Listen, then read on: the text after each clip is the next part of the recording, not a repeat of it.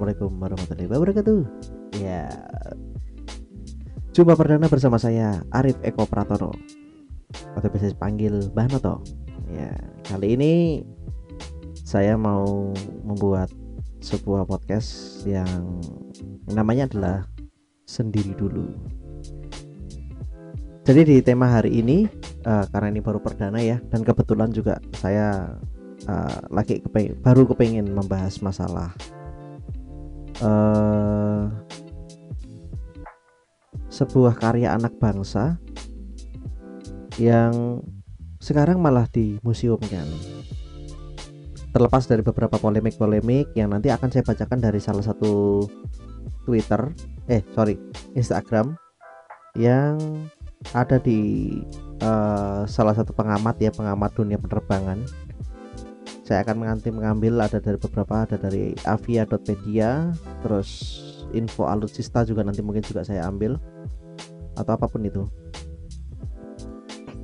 Yang informasi informasinya juga saya lihat dari beberapa foto beberapa gambar tuh bagus-bagus ya. Tapi sebelumnya saya mau membahas dulu bahwa karya anak bangsa ini uh, salah satu produk tahun 1995 kalau saya tidak salah ingat itu waktu saya berumur berapa berarti? 9 tahun ya 9 tahun ketahuan deh umurnya sekarang berapa nih. Ya jadi di umur segitu saya melihat sebuah karya anak bangsa itu bisa terbang. Ya waktu itu memang getol-getolnya sih. Waktu itu uh, ada karya anak bangsa lain yaitu kayak mobil itu Timor kalau nggak salah. Timor ya Timor. Bukan Timor Leste ya Timor nah Timor ini sendiri adalah sebuah mobil karya anak bangsa yang saya bilang sampai sekarang mesinnya bagus banget. Bagus karena masih handal banget. Nah karena itu produk produk dari orde baru maka dikatakan itu mobilnya orde baru orba mobilnya orba.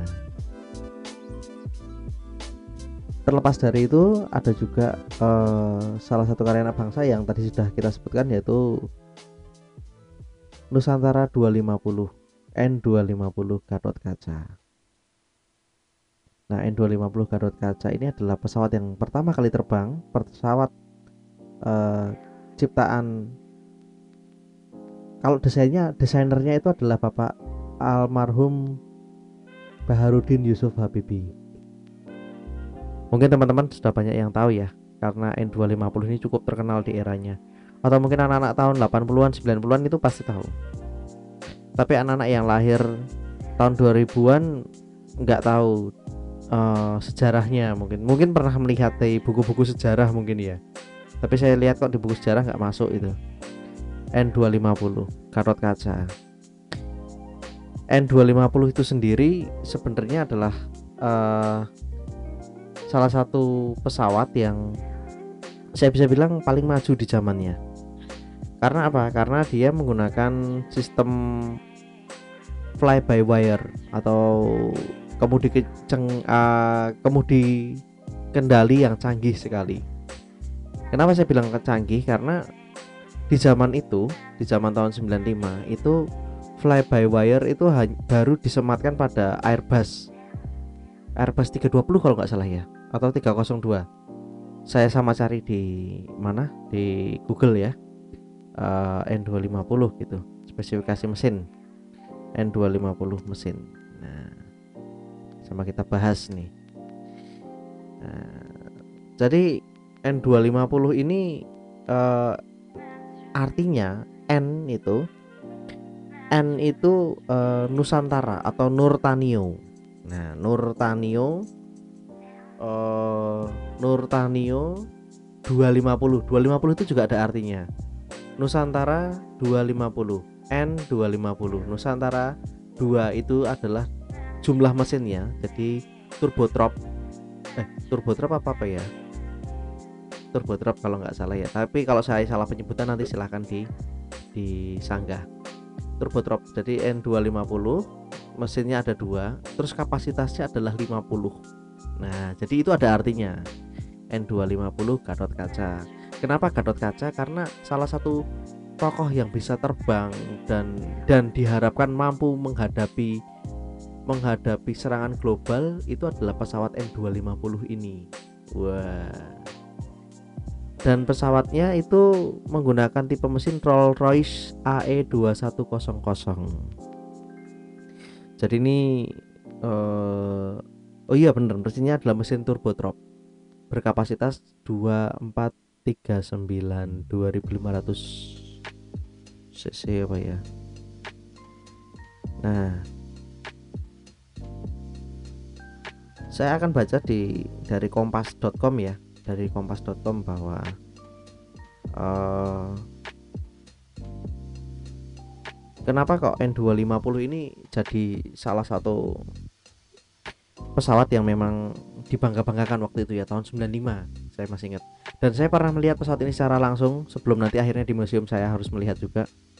Uh, tahun 96 waktu itu ada Jakarta Air Show 96 itu pertama kali saya melihat pesawat karya anak bangsa itu dipamerkan di JAS Jakarta Air Show. Waktu itu saya juga pertama kali melihat akrobatnya uh, Red Arrow. Red Arrow itu uh, tim akrobat dari tim ya tim akrobat dari Inggris yang menggunakan Hawk pesawat Hawk 109209 kalau nggak salah. Ingat saya.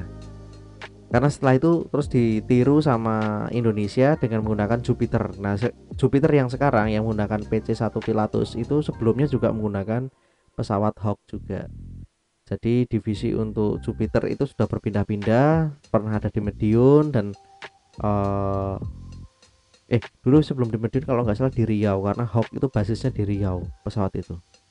Nah terus habis itu pindah ke Jogja dengan menggunakan PCK-01 Pilatus. Itu pesawat dari uh, eh op, KT1 Wong B apa yang di sini ya? Kalau nggak salah KT1 Wong B KT1 Wong B ini yang dibuat di Korea. Nah pesawat hasil karya Korea.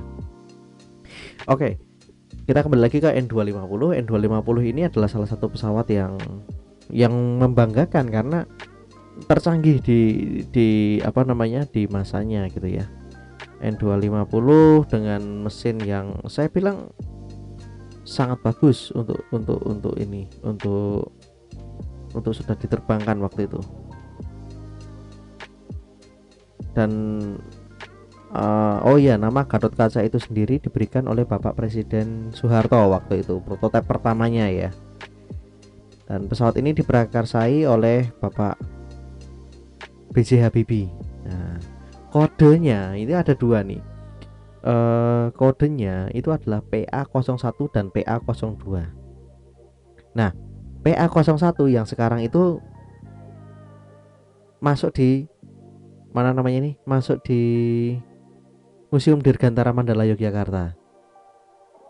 Nah jadi eh, nomor registrasi penerbangannya itu PKN eh PKXNG yang terbang perdana pada 10 Agustus 95 itu jadi tepat 50 tahun Indonesia. Ya tepat 50 tahun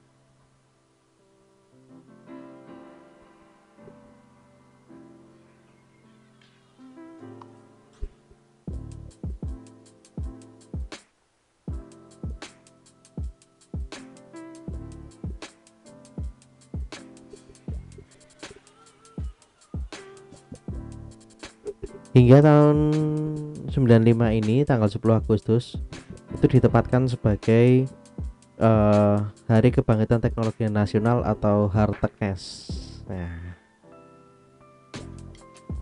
Dan uh, selain fly by wire system teknologi Muktahir waktu itu adalah full glass cockpit with engine instrument and crew alerting sistem atau AKS. Nah, ini yang bisa bawa cuman Pak Habibie cuy.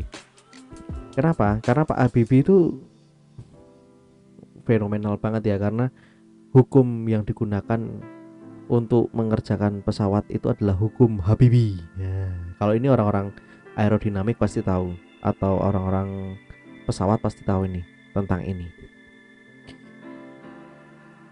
Nah, karena punya punya ininya, punya hukumnya, punya ininya. Ya, kebetulan lah orang Indonesia bisa mem membuat apa ya pesawat itu gitu loh.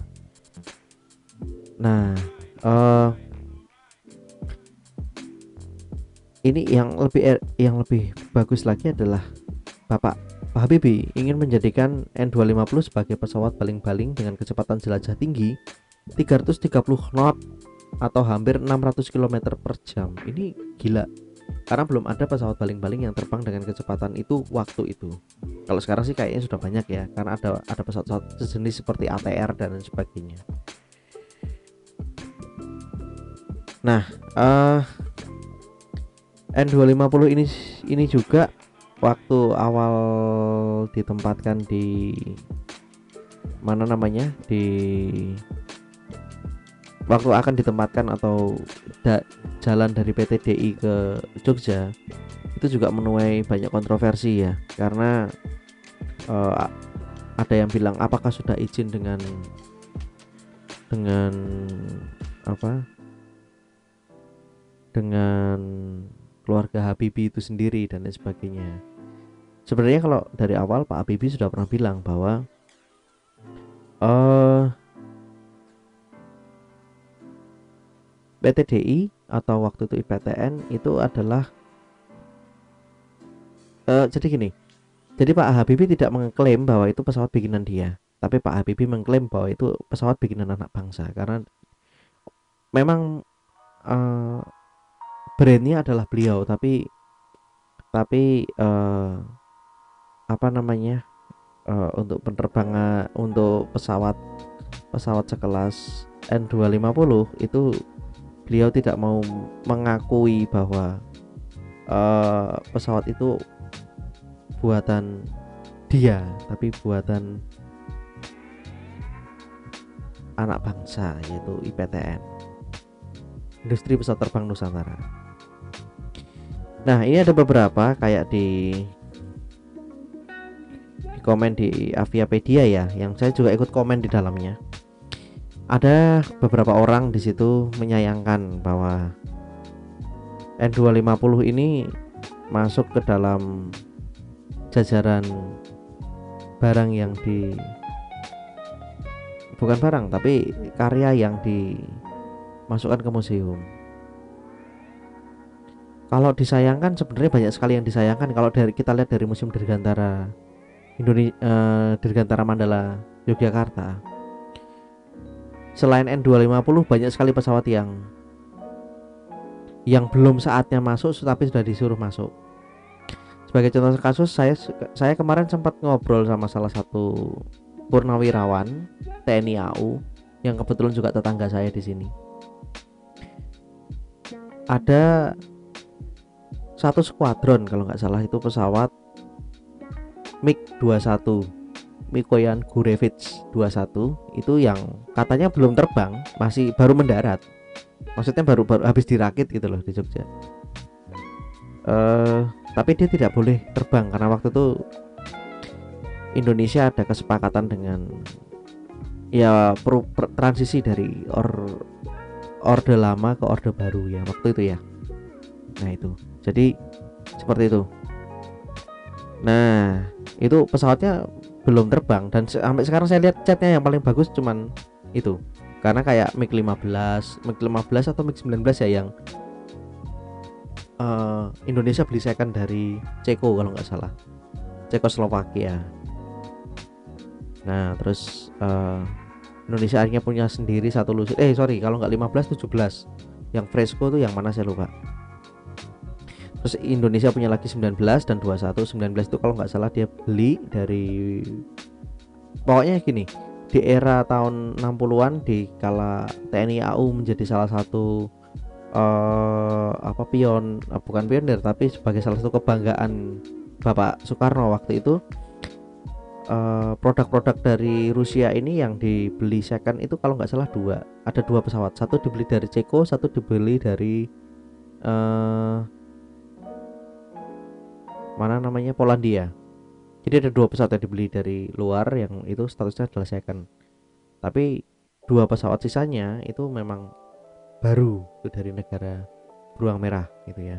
Jadi dari mana? Dari Rusia. Nah untuk satu pesawat lagi yang paling besar ya waktu itu yang punya kejayaan waktu itu yaitu Tupolev. Tupolev 16 itu satu-satunya negara di Asia Tenggara yang punya pesawat pembom strategis ya baru Indonesia ya di negara ASEAN ya Tupolev 16 back lagi ke N250 jadi pada saat tahun 96 saya melihat uh, pesawat itu saya berang, saya merasa bangga karena wah oh, gila Indonesia bisa membuat pesawat. Dan waktu itu saya saya tertarik sekali dengan teknologi karena karena Pak Habibie terus terang. Walaupun akhirnya saya saya nggak kuliah nggak banyak kuliah di teknologi ya saya banyak kuliah di uh, sosial. Nah, tapi saya senang saya pernah bercita-cita ingin seperti Pak Habibie. Cita-citanya seperti pengen seperti Pak Habibie cuman tidak kesampaian. Mungkin sekarang belum kesampaian ya.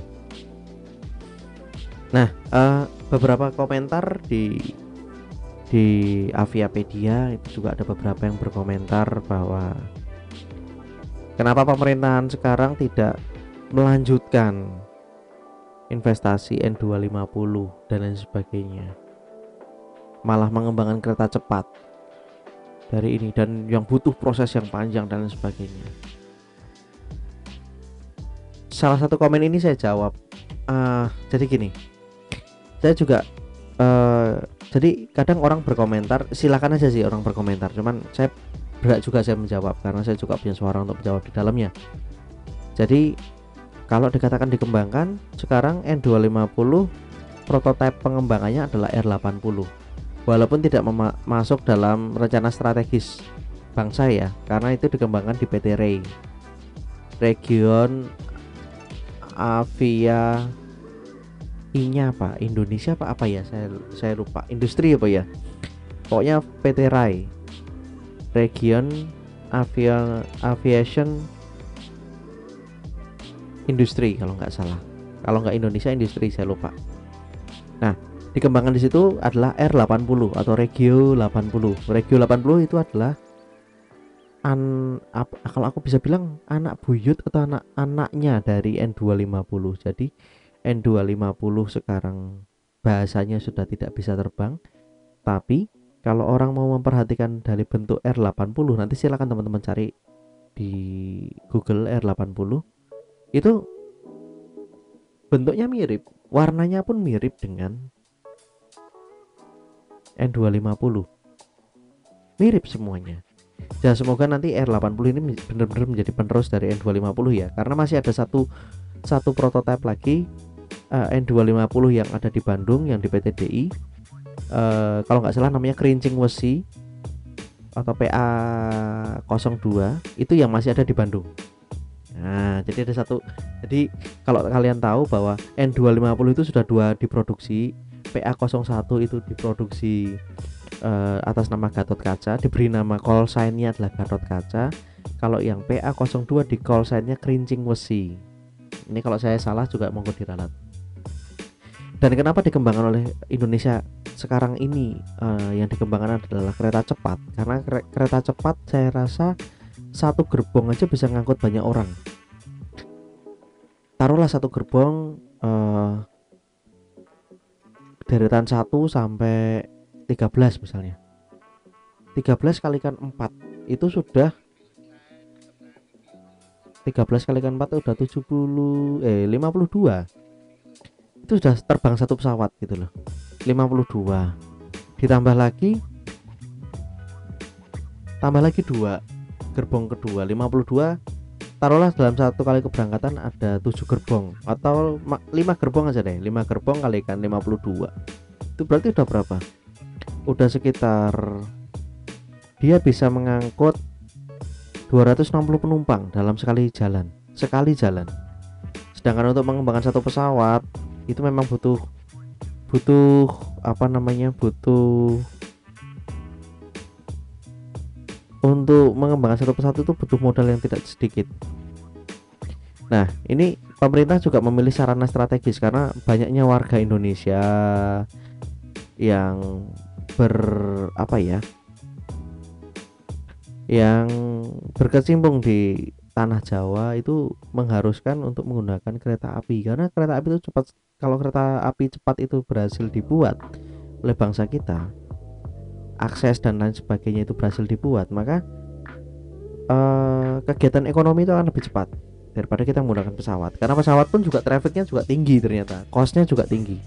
Jadi kalau teman-teman yang belum tahu bahwa pesawat itu take off dan landing sekali sekali landing di bandara itu bayarnya mahal kalau teman-teman mau tahu. Ternyata memang costnya tinggi. Jadi uh, kalau ada sampai pesawat itu nginep nginep ya di bandara ya itu sudah merupakan kerugian sebuah maskapai penerbangan. Apa pun bentuk pesawatnya kayak kayaknya dengan bentuk dan apa uh, seri pesawat itu punya punya parking parking fee yang berbeda-beda. Sama kayak kalau kita parkir di mall atau di mana pun itu setiap kita setiap kita parkir kan bayar uh, entah itu motor entah itu mobil entah itu apa pun kan pasti bayar. Apalagi ini pesawat gitu loh. Pasti bayar karena menginjakkan rodanya itu sudah menginjak, menginjak ke landasan aja sudah pasti langsung berapa rupiah gitu. Dan hitungannya kalau nggak salah per per jam apa per apa ya? Saya nggak saya nggak paham hitungannya berapa cuman memang mahal. Jadi investasinya adalah investasi teknologi. Maka dari itu sekarang PT DI tidak hanya mengembangkan pesawat seperti N250 karena ternyata kalau mengembangkan N250 saja itu uh, Indonesia pasti uh, waktu itu juga belum ada yang berminat dengan N250 waktu itu ya waktu itu. Belum ada yang berminat dengan N250 walaupun itu perusahaan plat merah seperti Garuda waktu itu Merpati waktu itu itu belum tertarik. Karena ada jokes waktu itu waktu zaman itu. Jadi jokesnya itu adalah uh, ada tentara Jepang dan ada tentara Jepang itu uh, apa namanya?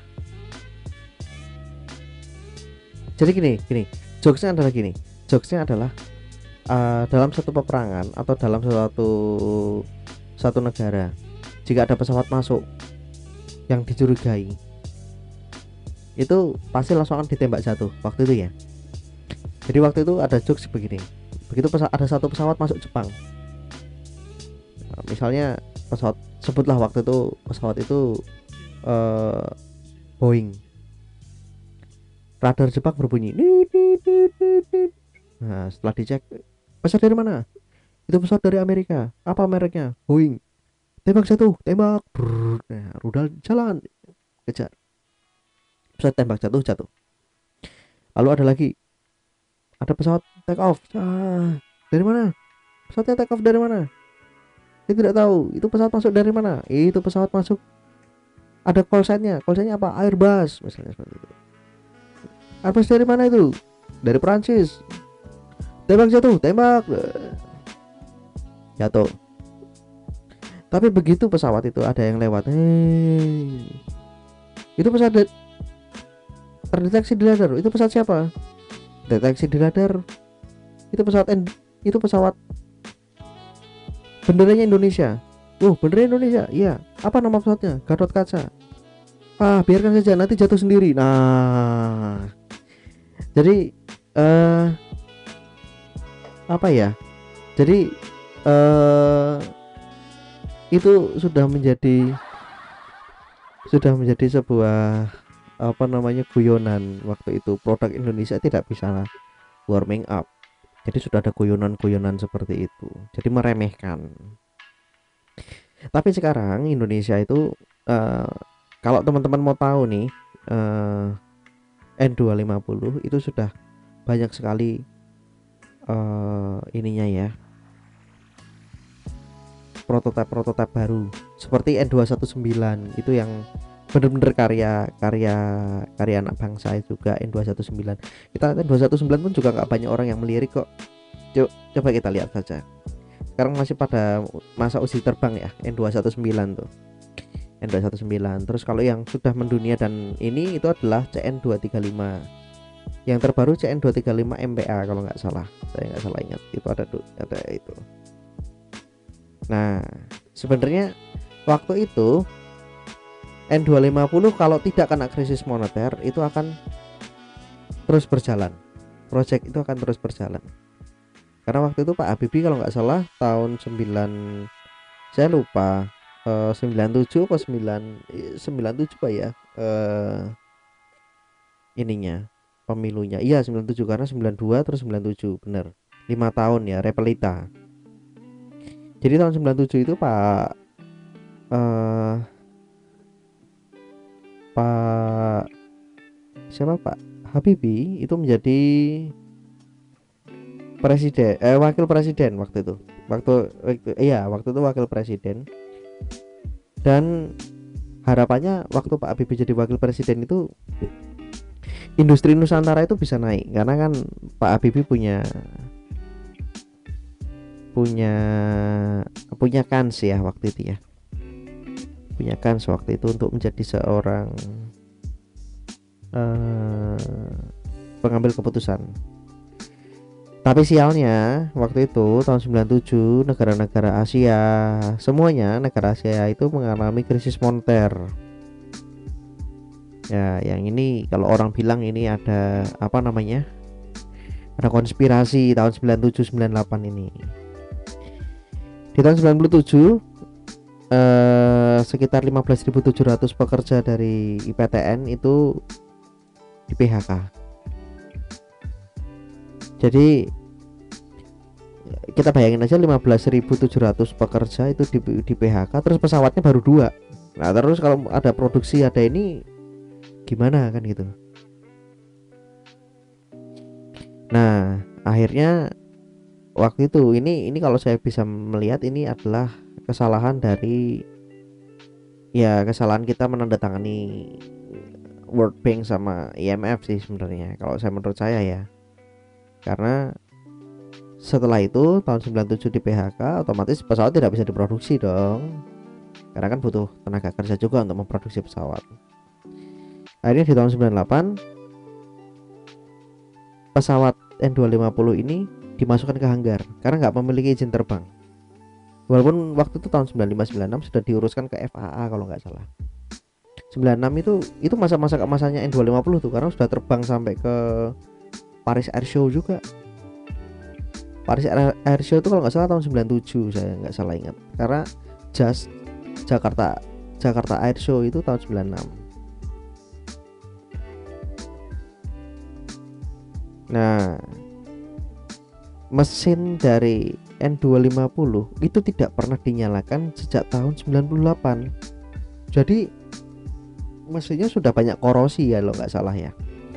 Mesinnya udah banyak korosi juga. Nggak mungkin nggak korosi kalau kayak gitu. Mesinnya pasti ada korosinya. Karena sekali sudah diisi ini dan nggak pernah dipanasin pasti akan korosi. Ya jadi inget motor saya nih karena nggak pernah dipanasin. Besoklah saya panasin. Nah tapi bodinya itu pernah dicat ulang sekali Nah, N250 ini pun uh, waktu dibawa ke Jogja itu tidak diterbangkan. Waktu dibawa ke Jogja itu melalui jalur tol dari Bandung dari PTDI menuju ke Jogja. Nah sayangnya sih Jogja belum ada jalur tol yang langsung ya ke Bandung ya. Jadi harus muter pantai utara dulu. Nah N250 ini diharapkan menjadi salah satu karya anak bangsa yang apa ya yang bisa mengangkat atau menumbuhkan kecintaan terhadap bangsa ini. Harapannya adalah seperti itu. Jadi semoga dengan adanya N250 di Museum Dirgantara Mandala ini menumbuhkan rasa nasionalisme teman-teman semuanya gitu loh. Jadi biar kita bangga bahwa bangsa ini bisa berkarya. Harapan saya sih gitu karena masih ada produk-produk bangsa yang lain selain N250 setelah itu kalau nggak salah tergenjot semua. Sampai detik ini saya masih dengar bahwa PT DI juga bekerja sama dengan TNI AU dengan uh, eh, TNI terutama. Itu mengembangkan drone. Berarti yang sudah teknologinya sudah sudah Indonesia bisa gitu loh. Indonesia pasti bisa. Apalagi selain dari yang udara Indonesia juga sudah bisa membuat kapal fregat siluman kalau nggak salah ya. Itu ada tuh di di Banyuwangi apa di mana itu ya? Uh, ininya apa hanggarnya kapal itu di Banyuwangi. Yang sempat kemarin beberapa tahun yang eh, tahun berapa ya kalau nggak salah itu setelah dibuat terus habis itu kapalnya kebakar itu kalau nggak salah. Di Banyuwangi itu itu itu pembuatannya. Bukan di PT PAL ya tapi di Banyuwangi. Lalu Inka sendiri atau PT Inka sendiri sudah ada satu yang canggih yaitu ada Indonesia sudah bisa membuat apa namanya itu?